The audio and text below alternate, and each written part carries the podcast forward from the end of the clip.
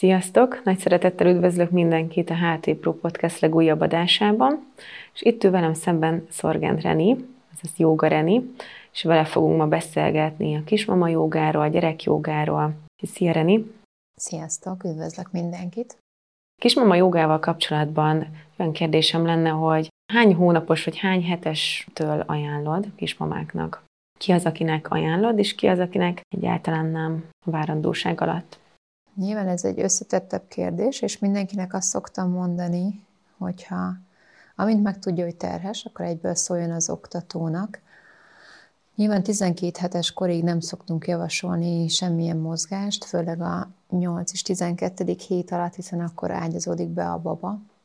De nagyon sokan ugye nem is tudnak a terhességükről egy 10 hétig vagy 12 hétig. Teljesen változó és hogyha az alatt semmi probléma nem volt, akkor utána ne kezdjünk el pánikolni, hogy úristen edzettünk, és mi lesz, mert nyilván, hogyha az a baba meg akar születni, meg is fog születni, és van annyira erős, hogy, hogy benned marad. De hogyha tényleg hamar megtudod, akár a harmadik hétnél, hogy babát vársz, hiába edzettél előtte folyamatosan, az akkor is a mama és a baba ideje, tehát tessék megpihenni, nyugodni, tényleg feküdni az ágyba, de mellette lehet mozgolódni. Én azt javaslom, hogy a 12. hét után szépen lassan vissza lehet jönni az órákra. Nálam is sok kismama volt az órákon, ugyanúgy elkezdtünk dolgozni a 12. hét után. Nyilván mondtam, hogy mi az, amit nem javaslok, amit csináljon, de ami a legfontosabb, hogy úgy is érezni fogod, hogy mi az, ami neked jól esik, mi az, ami, ami nehezebben megy, tehát semmi olyan pozícióba nem kell beleerőltetni magad, ami, ami nem tesz jót. A baba nagyon hálás lesz, hogy te mozogsz, hiszen azért nagyon sok minden kapcsolódás általad is közvetlenül vele is kapcsolódik, így a, ha te jól érzed magad, és te tényleg átmozgattad magad, akkor az babának is nagyon jó lesz a fejlődésbe. Én azt javaslom, hogy 8 hónapos korodig szerintem simán lehet jogázni. Persze súlyzós edzést is lehet végezni, inkább saját testsúlyosat. Vannak előnyei, vannak hátrányai. Aki azért veszélyeztetett terhes, ő, ő, neki nem javaslom, inkább csak egy ilyen kis csípőnyitést és szülésfelkészítést de ahogy érzi mindenki, tehát azt fogod érezni, hogy amint elmúlt a hányinger, amint elmúlt a hasadban lévő feszültség, és ahogy azért alakul át a csontozatod, és fejlődik a baba, lehet, hogy már nem fogod kívánni a hatodik, hetedik hónapban annyira a mozgást, de akkor is egy picit jó tesz, hogyha megnyújtózik az ember, mert szerintem a te hasad is sokkal jobban fog nyúlni, változni fog a bőröd, kevésbé fogsz repedni, hogyha rugalmasabb a, a test, illetve a babának nagyon-nagyon fontos a fejlődésbe, akár az agyi, akár a, a tüdő, akár a mozgás által, hogy nem csak ülsz, hanem folyamatos mozgásban vagy, neki nagyon-nagyon jót tesz a fejlődésében. És mi a helyzet azzal, aki még nem jogázott előtte, és most a várandóság alatt, mivel hallotta, hogy ez pozitívan hat a testére, most kezdi el, van-e valami más az órában vagy felépítésében, hogyha az állapotosság alatt kezdi el a jogát? Én ez mindig nagyon jó kérdés, hogy hogyan kezdünk el úgy sportolni, hogy soha semmit nem csináltunk. Mindig szoktam javasolni, hogy azért jó lenne, hogyha az emberek nem akkor kezdenének kézbe kapni, amikor ugye már terhesek, és akkor kezdünk el mozogni, meg kapkodni, hogy úristen, meg ne hízzak, vagy mi lesz velem, most pont a sógornőm vár babát, és ő sem mozgott szinte soha előtte, talán egyszer volt egy órámon. Ő viszont nagyon vékony, és pont az lenne a lényeg, hogy egy kis izmot ugye fel tudja magára szedni, hogy, hogy bírja a terhességet, mert nagyon sokszor fáj a háta, hogy ugye nő a baba nyilván húzza a súly, és akkor őt elküldtem kis mama jogára, neki nagyon tetszik az óra, viszont sokszor elfárad, ugye fáradtabban jön, megviseli az óra, hiszen sosem végzett ilyen típusú órát.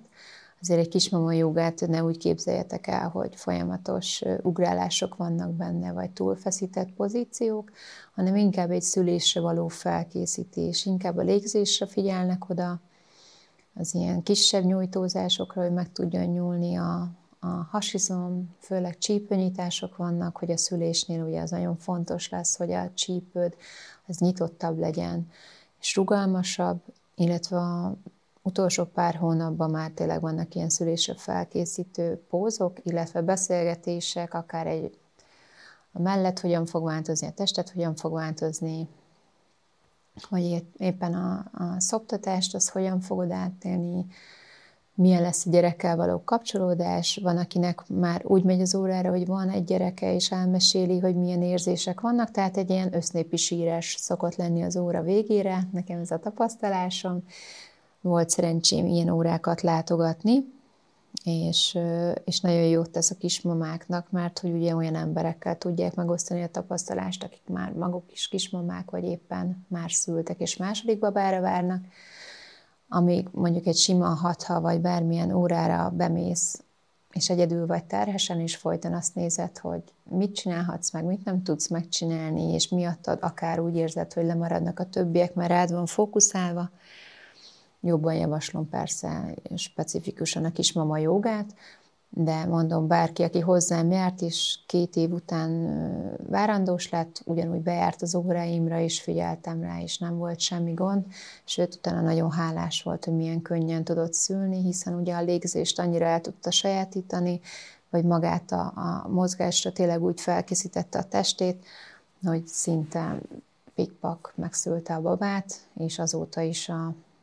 képeket küldik, hogy még a, a gyerek is szokott ott fejen állni, és akár egy lefele néző pózba áll szinte magától, mert ezt megszokta, hogy a testébe volt a baba, miközben jogázott.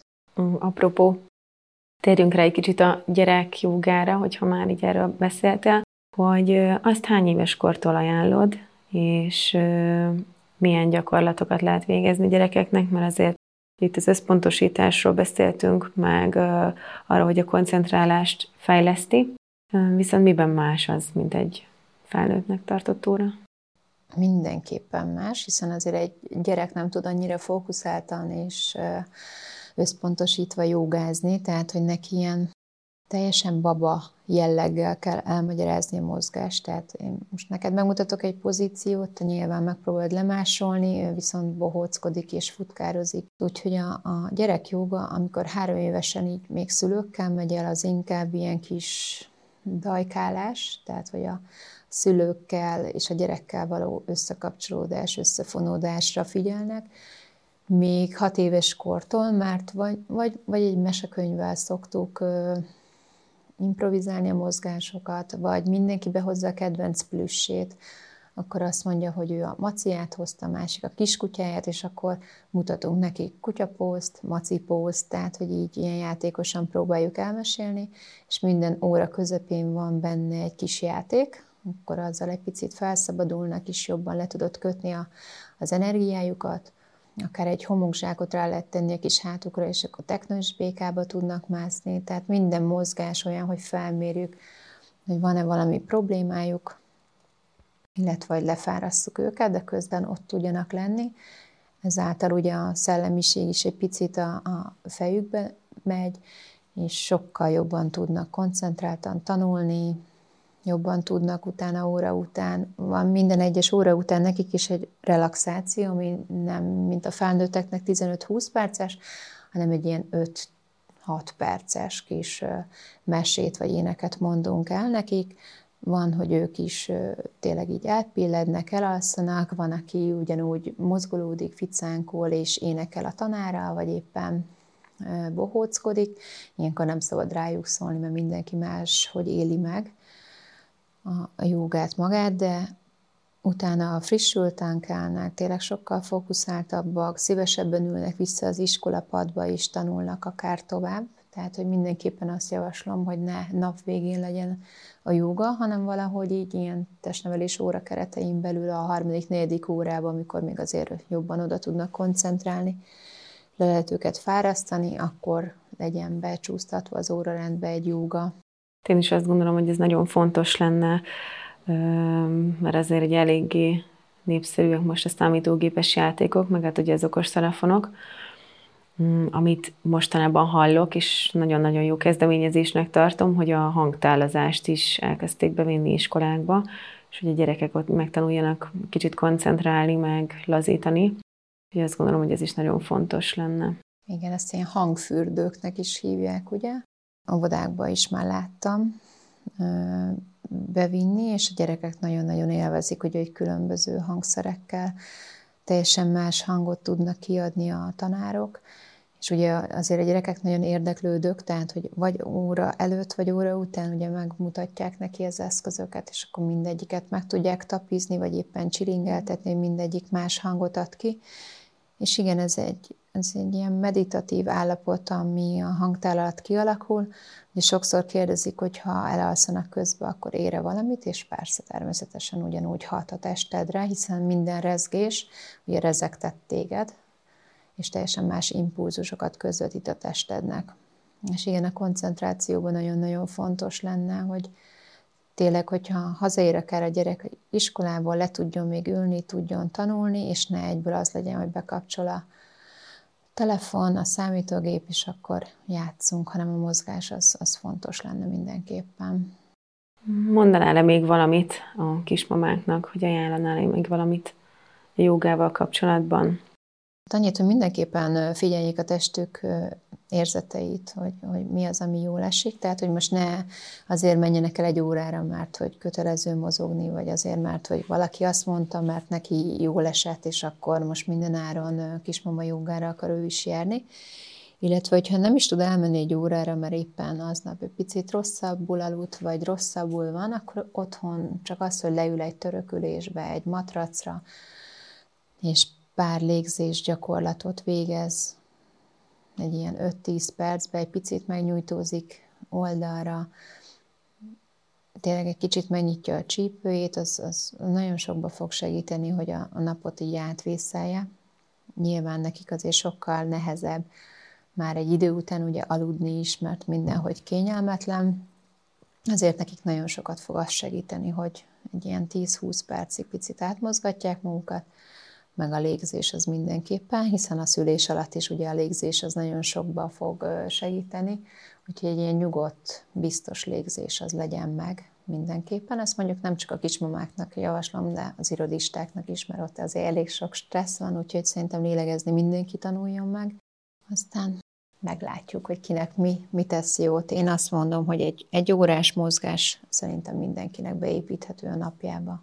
Mm, abszolút, igen, én is így gondolom, hogy mindegy, mit, csak valamit mozogjunk. Hát nagyon szépen köszönjük. Ha tetszett a podcast, akkor hallgassátok meg a többit is, és kövessetek minket Instagramon és Facebookon, meg a YouTube csatornánkon. Sziasztok! Köszönöm szépen, sziasztok!